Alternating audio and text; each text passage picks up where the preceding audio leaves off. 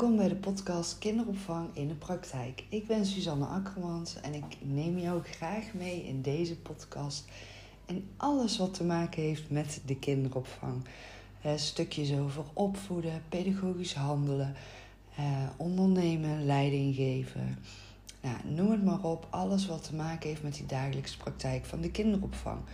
En uh, de reden dat ik deze podcast uh, ben begonnen en dagelijks een nieuwe aflevering opneem, dat is toch wel voortgekomen uit alle ervaringen van mezelf van de afgelopen jaren binnen de kinderopvang.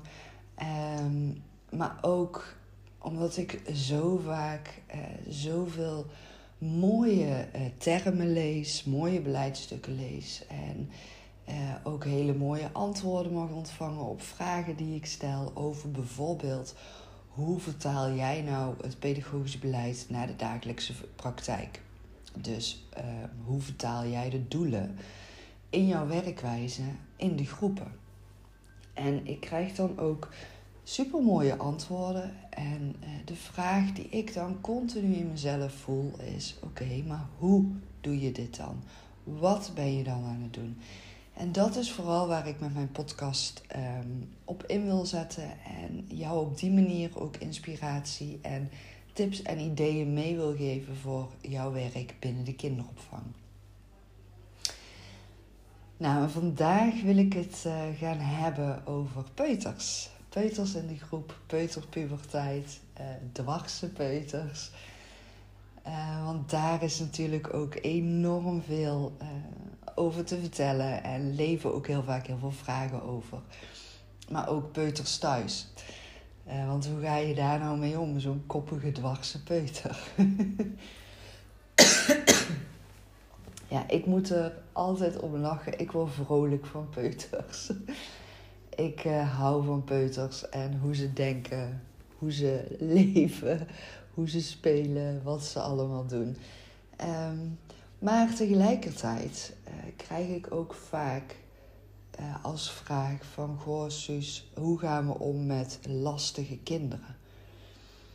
En daar wil ik als eerste even op inzoomen... voordat ik echt inga op die peuters... en hoe je daarmee om kan gaan in de dagelijkse praktijk, thuis en in de kinderopvang. Um, ik heb zelf wel een beetje moeite met... Um, de vraag van hoe gaan we om met lastige kinderen.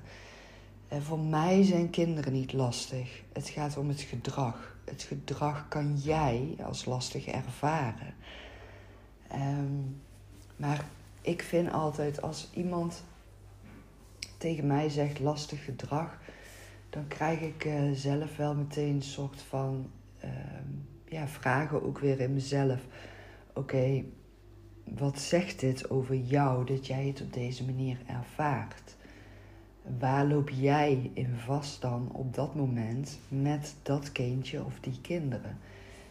Um, kijk, kinderen uiten al hun uh, frustraties, hun um, ontwikkeling, hun vraagstukken, om hem even zo te noemen, in het gedrag. Dat is de enige manier waarop ze aan jou kunnen laten zien en aan jou de vraag kunnen stellen: ik heb hulp nodig.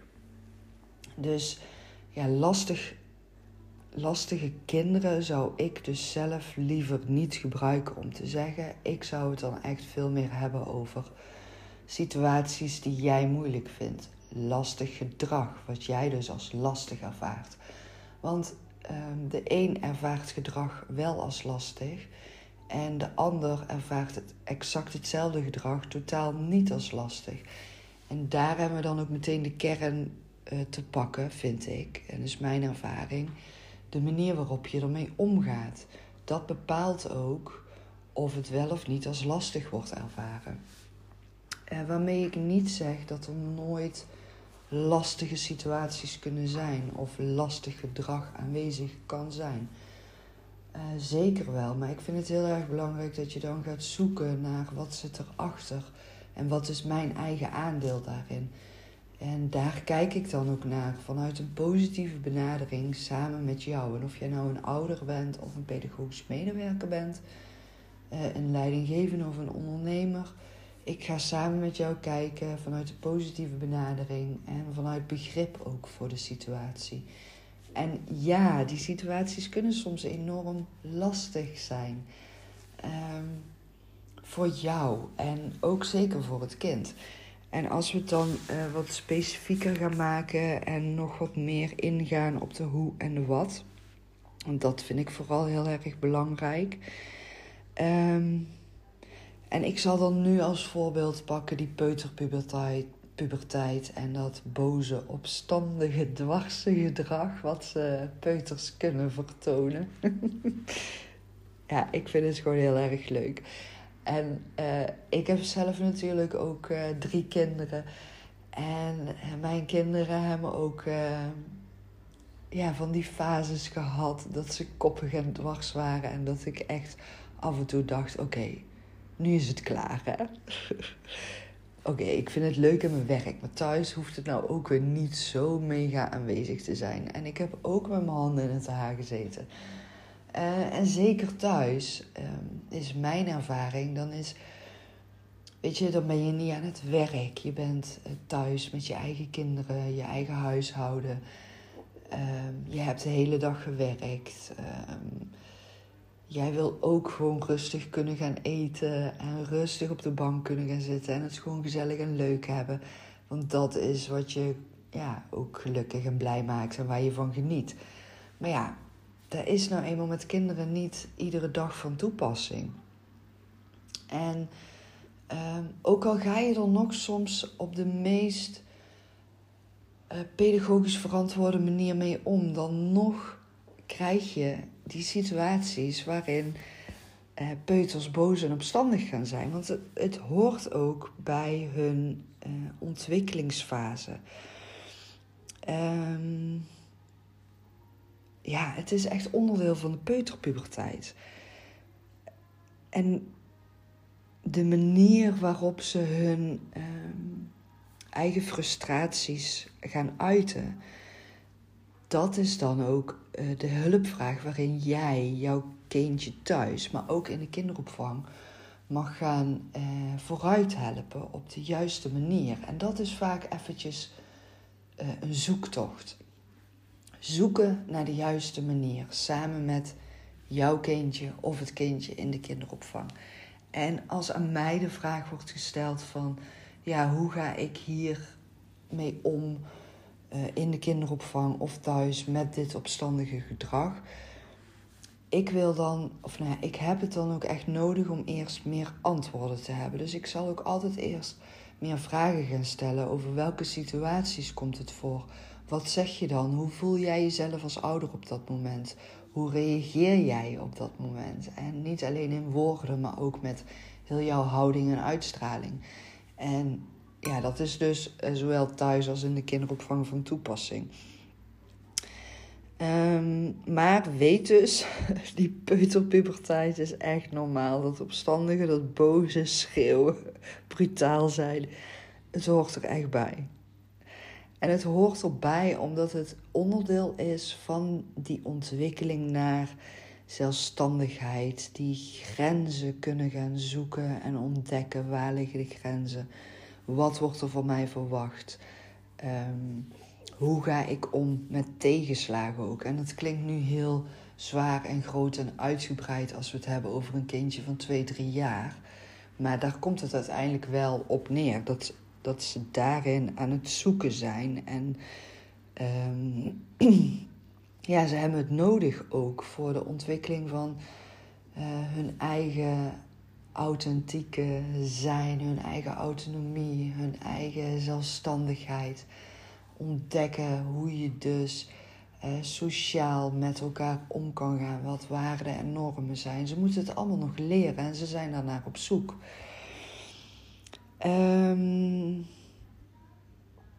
Maar ja, wat doe je nou dan als je dus denkt van... oh, daar komt weer zo'n mega driftbui aan, die woede-uitbarsting ik zie hem gewoon aankomen en wat ga ik daarmee doen? Uh, het allerbelangrijkste, echt een van de allerbelangrijkste tips die ik jou echt wil meegeven is: zeg nooit dat jij het kind afwijst, maar benoem heel duidelijk het gedrag wat je niet goedkeurt en het gedrag wat jij wil gaan ombuigen. Dus niet ik vind jou stout of ik vind jou nu stom, om maar even zo te zeggen.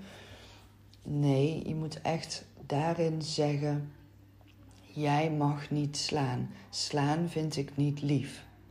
Slaan doet pijn. Dus daarmee keur je het gedrag af, de daden, daar gaat het om. Dat je die gaat leren um, corrigeren bij het kindje of bij jouw kindje. En dat je daar heel specifiek op inzet in het ombuigen. Dus niet, ehm, ik vind jou stout en ehm, eh, ja, ik vind jou stom. Nee, het is echt, jij mag niet slaan. Dus daardoor maak jij het ook duidelijk en helder en concreet voor je kindje wat jij afkeurt op dat moment. Um, soms werkt negeren, maar dat is ook weer heel erg afhankelijk van de situatie. Dus uh, soms is het echt de meest ideale oplossing om het gedrag te negeren en echt geen aandacht aan te schenken. En uh, vooral aandacht geven aan je kindje als het positief gedrag laat zien. En um, daar ook echt complimenten over geven. En niet wachten totdat er een uitbarsting komt, maar gewoon echt tussendoor, als je kindje lekker aan het spelen is, uh, gewoon eens even erbij gaan zitten, een aai over de bol geven en vragen van, wauw, wat ben jij voor moois aan het maken? Um, of gewoon erbij gaan zitten en uh, niks zeggen. Door alleen er al bij te gaan zitten en aanwezig te zijn, geef je al um, de aandacht die een kindje ook nodig heeft. En uh, dan kun je ook afwachten en kijken van wat gaat er komen. Wat gaat je kindje zelf zeggen nu op dit moment. En ik weet, we hebben heel snel de neiging om dan te denken van... oh, nou zijn ze rustig aan het spelen. Nou kan ik vlug even dit, dit en dit doen en ik ga niks zeggen... want dan komt er weer zo'n driftbui of dan krijgen we weer zo'n uitbarsting. Dus nee, nee, ik ga niks zeggen. Maar toch is het wel juist heel erg goed om eh, op de momenten dat ze lief en fijn aan het spelen zijn... en lekker aan het ontdekken zijn juist dan ook echt die complimenten te geven. Want dat is echt wel wat een kind ook nodig heeft. En daar leert een kind ook echt weer het positieve gedrag uh, door herkennen. Uh, waardoor ze het alleen maar meer willen gaan laten zien. Dus soms werkt negeren van het negatieve gedrag, uh, maar niet altijd. Um, en het is ook belangrijk dat als jij negatief gedrag gaat negeren, dat je ook van jezelf weet dat je het ook vol kan houden om het te negeren. Dus dat is ook wel altijd een uitdaging. En een voorwaarde vind ik ook altijd in negatief gedrag negeren dat uh, het kindje zichzelf geen pijn kan doen, anderen geen pijn kan doen en spullen niet kapot kan maken. Dus ja, er hangen nog best wel wat voorwaarden aan vast wil je negatief gedrag gaan negeren en kunnen gaan negeren. Soms helpt het om een kindje eventjes apart te zetten. Ik ben geen voorstander van kinderen op de gang zetten. Ehm, bij mijn eigen kinderen heb ik het ook wel eens geprobeerd. Maar daar waren echt van die kauwgomballen die je dan weggooit en die aan je vinger vast blijven plakken. uh, als ik mijn kinderen op de gang uh, deed zetten, dan ja, kwamen ze gewoon consequent 30.000 keer opnieuw de kamer inlopen. Dus of ze gingen dan weer in de gang dingen kapot maken, ontdekken, ondersteboven halen. Waarvan ik dacht, ja, dit is dan dus ook weer niet de oplossing. Dus ik heb het thuis wel eens uitgeprobeerd, maar bij mij thuis werkte het echt niet. Uh, in de kinderopvang ben ik echt geen voorstander van kinderen apart zetten uh, op de gang. Um, ik vind dat best wel een grote impact hebben voor kleine kinderen. Um, apart zetten uh, zou ik inzetten als dus een kindje zichzelf uh, kan gaan verwonden, andere kinderen pijn gaat doen of als de echte situatie te gevaarlijk gaat zijn. En ik zou er dan voor kiezen om kinderen eventjes apart te zetten op de bank of op een stoel aan tafel. Dus niet eens in een hoek of zo, want dat vind ik ook best wel heftig.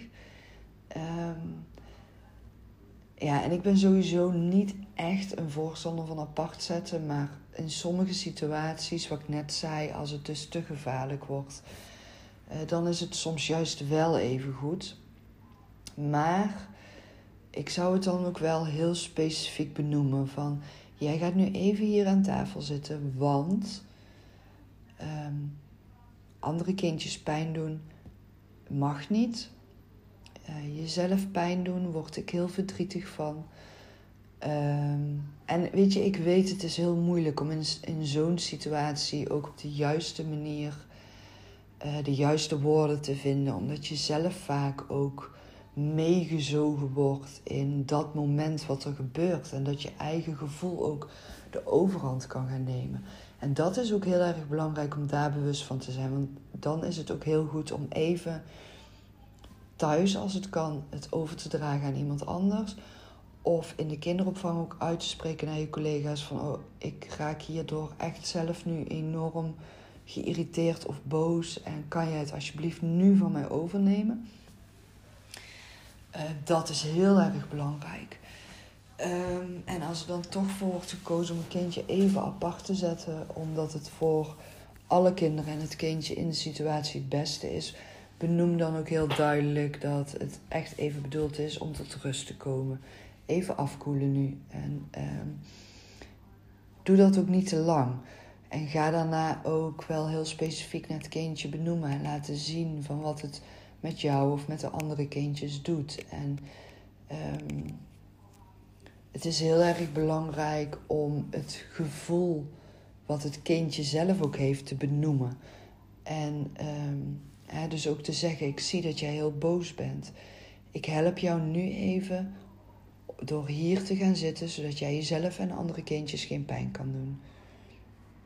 Ik ga even dit kindje nu troosten en dan pak je het andere kindje er ook bij wat verdrietig is. En dan ga je ook op het niveau van de kinderen daarover in gesprek. En um, vooral het gedrag uh, benoemen, wat niet wordt goedgekeurd, maar ook het gevoel benoemen.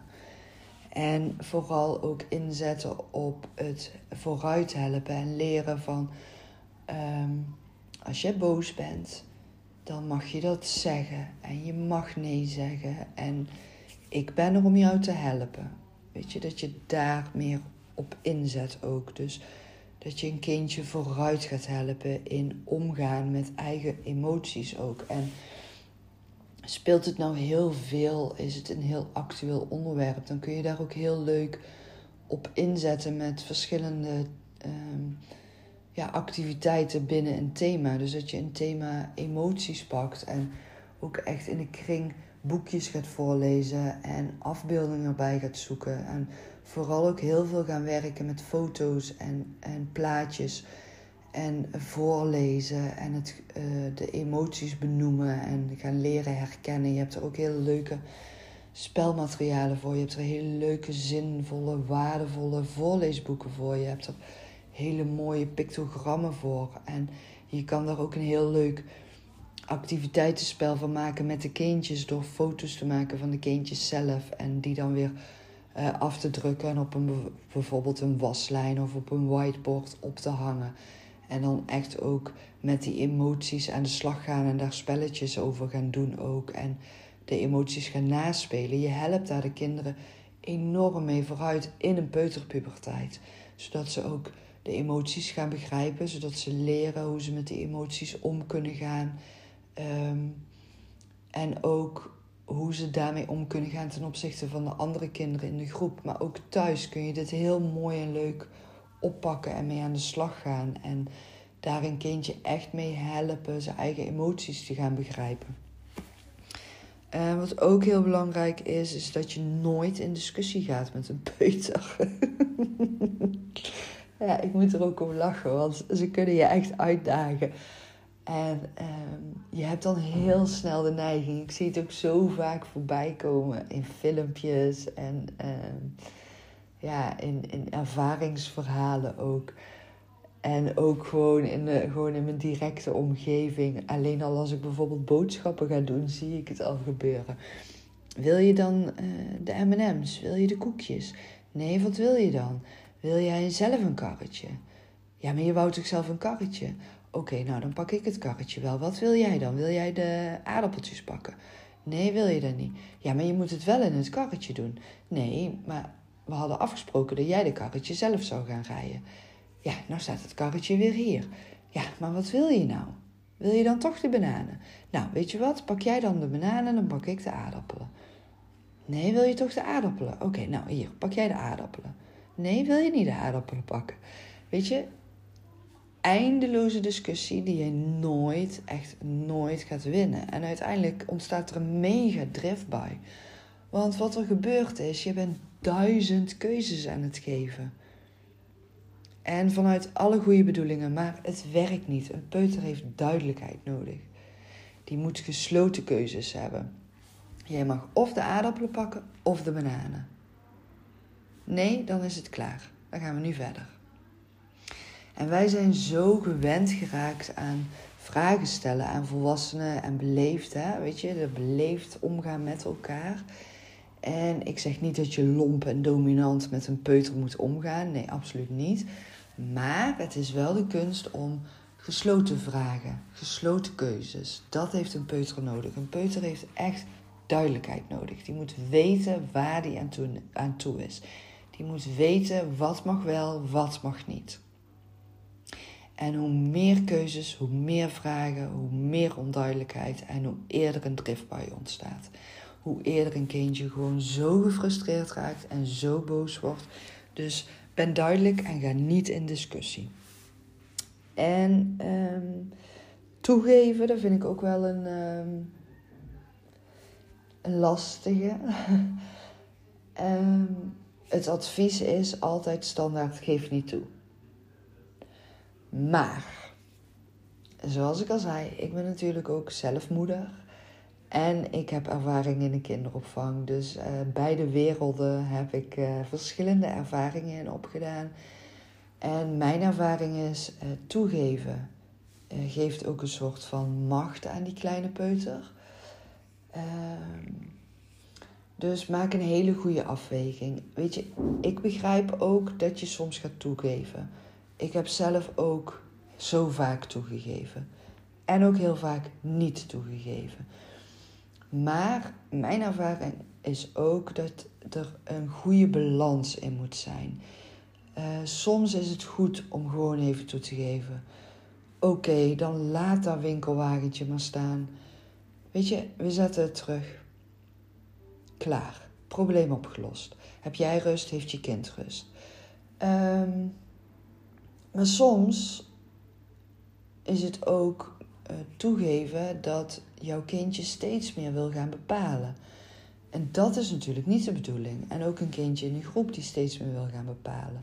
En dat is ook niet de bedoeling. Dus dan moet je niet gaan toegeven.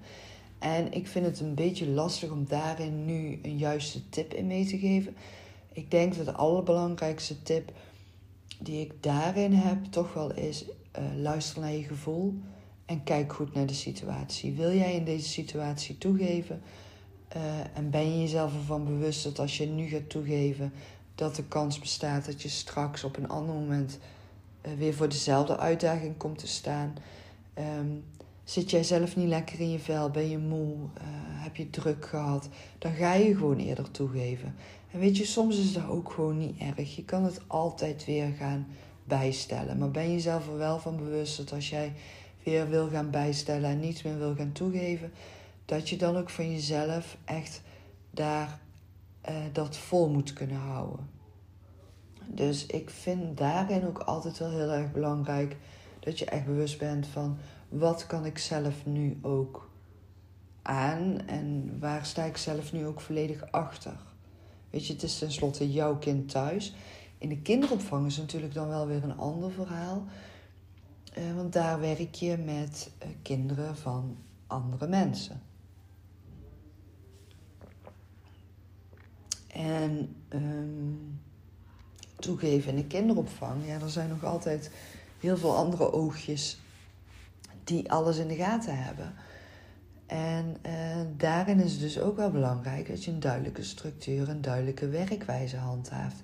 En waarin ik niet wil zeggen dat je dan ook niet kan toegeven. Maar het is wel belangrijk dat je daarin goed afstemt met je collega's. En heel goed bewust bent van oké, hoe voel ik mezelf nu? En wat is de reden dat ik ga toegeven? Ga daar ook voor jezelf op reflecteren. En ga daar ook met, met je collega's over in gesprek. Ik denk dat dat de meest belangrijke tip ook is voor de kinderopvang. Ga met je collega's in gesprek in welke situaties kan je wel en niet toegeven. En hoe denkt iedereen daar ook over? Zodat je daarin ook wel die doorgaande lijn kan bereiken. En ook weet van wat wordt er vanuit het beleid verwacht. En hoe geven wij daar de praktische vertaling in de dagelijkse praktijk aan. Um, nou ja, kwaad worden en straffen.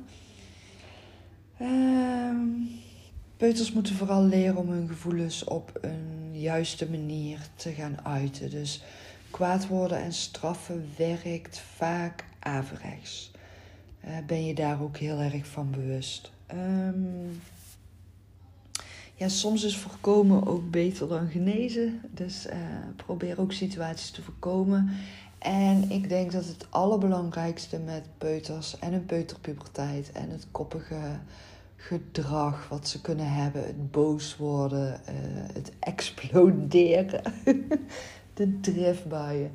Um, ja, het is vooral denk ik de kunst om steeds opnieuw te kijken en weten wat is uitdagend spelmateriaal? Waar heeft mijn kindje thuis behoefte aan? Waar heeft dit kind in de kinderopvang, in de groep behoefte aan?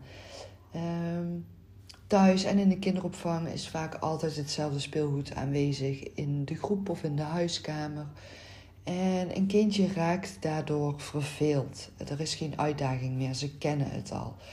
Uh, ik adviseer daarin altijd van uh, zet gewoon heel veel speelgoed weg. Uh, bij wijze van op zolder, in een aparte ruimte, maakt niet uit waar. En wissel spelmaterialen af. zet speelgoed ook zichtbaar neer, zodat kinderen ook zien waarmee ze kunnen spelen. Dus doe niet te veel in dichte kasten alles opbergen. En als je wel alles opbergt in dichte kasten, Zet dan bijvoorbeeld s'avonds voordat je gaat slapen uh, speelgoed heel leuk klaar in de woonkamer al.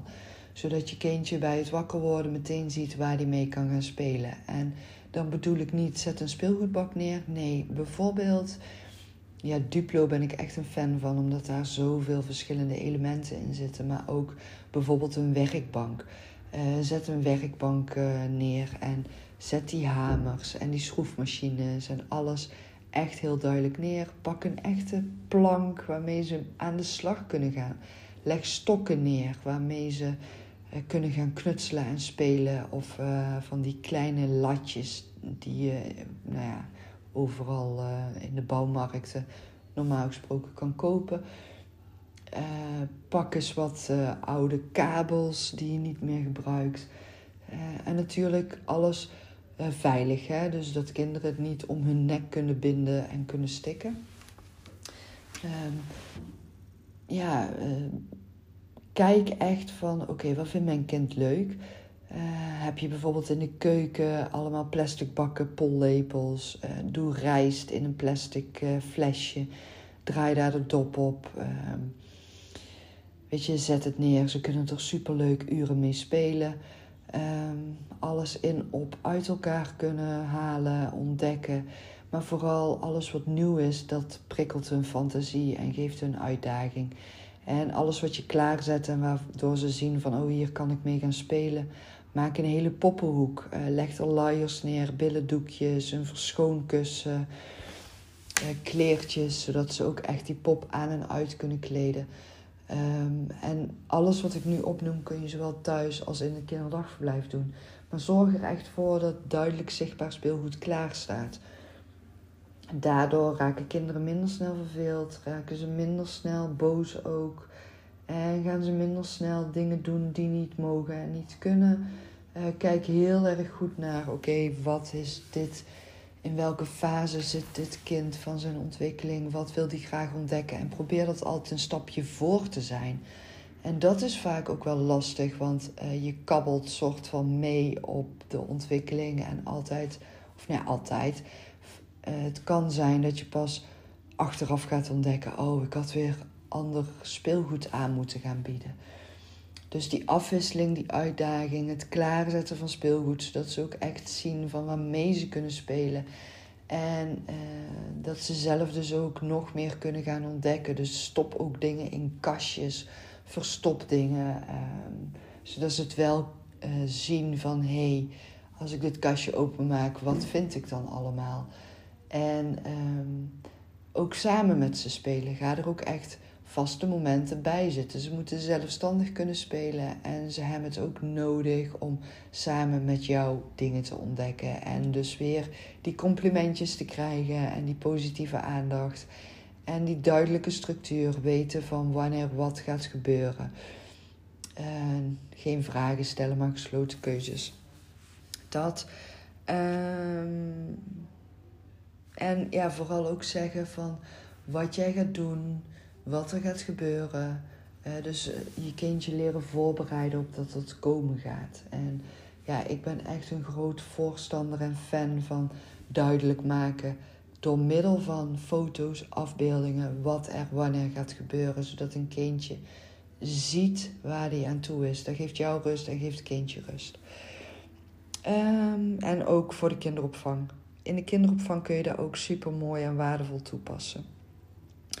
En uh, echt die complimenten geven. En ook wel uh, goed uh, nadenken voordat je ja of nee gaat zeggen zelf als volwassene. Want um, zonder dat je het in de gaten hebt, kun je echt in situaties terechtkomen met een peuter thuis of in de kinderopvang. Dat je heel de dag ja, nee aan het zeggen bent. Nee, niet op die tafel klimmen. Nee, niet dat speelgoed omver gooien. Nee, niet dat eten uh, mee gaan zitten spelen. Nee, uh, je moet die korstjes opeten. Ja, we gaan nu naar buiten. Probeer eens te ontdekken of je de ja-nee woordjes kan gaan vervangen of kan weglaten. En dat is ook best wel een uitdaging als je dat niet gewend bent. Maar je zal wel gaan ontdekken dat het heel veel uh, onrust, frustratie en strijd gaat voorkomen. Want iedere keer als jij ja of nee zegt, is voor een peuter een kans om discussie uit te lokken. Dus ben jezelf daar ook van bewust en probeer dat. Uh, ja, probeer het gewoon eens uit. Probeer het woordje ja-nee te gaan vervangen voor uh, andere woorden. En uh, dat is even creatief uh, zoeken en ontdekken, maar zeker mogelijk ook. Nou, ik hoop dat ik uh, jou als ouder of als pedagogisch medewerker of nou, werkzaam professional in de kinderopvang weer tips en ideeën en nieuwe inspiratie heb weten mee te geven over peuters en peuterpuberteit. mocht je vragen voor me hebben, je mag me altijd een mailtje of een DM sturen. Ehm, op mijn Insta doe ik uh, heel veel uh, stories posten. En ik heb een website waar ik verschillende blogposts op heb staan. Um, ik heb ook online aanbod wat je ook op mijn website terug kan vinden. En speciaal voor pedagogische coaches in de kinderopvang heb ik uh, op dit moment 52 coachtips. En daar geef ik dus ook tips over pedagogisch handelen. zoals ik vandaag in deze podcast heb gedaan. En uh, je kan daaraan uh, deelnemen. 52 weken krijg je dan iedere week van mij een mailtje met inspiratie, uh, boekentips, ideeën, voorbeelden, spelactiviteiten. Nou, noem het maar op. Alles wat je in kan zetten binnen de kinderopvang als pedagogisch coach. En dat alles kan je ontvangen voor 1 euro per week. Alle informatie vind je in mijn link in bio op Insta en ook op mijn website bij 52 Coach Tips. En mocht jij nou denken van goh, ik uh, heb een situatie waar ik graag advies of tips op uh, zou willen ontvangen, laat het mij weten. Ik help je graag vooruit. Ehm, Dankjewel voor het luisteren naar deze podcastaflevering. En um, ja, als je jezelf wil abonneren op mijn podcast, dan uh, ontvang je meteen een seintje als er weer een nieuwe aflevering klaar staat. Dus dat is ook super handig. Zou het ook super leuk vinden als je mijn podcast wilt delen, zodat ook andere ouders en kinderopvangprofessionals mijn podcastafleveringen uh, tips en ideeën uit kunnen gaan halen, zodat alle kindjes uiteindelijk zichzelf allemaal begrepen voelen en zichzelf vanuit een veilige en vertrouwde omgeving kunnen ontwikkelen vanuit hun eigen uh, potentie en mogelijkheden. Dankjewel voor het luisteren en ik wens je een hele fijne dag.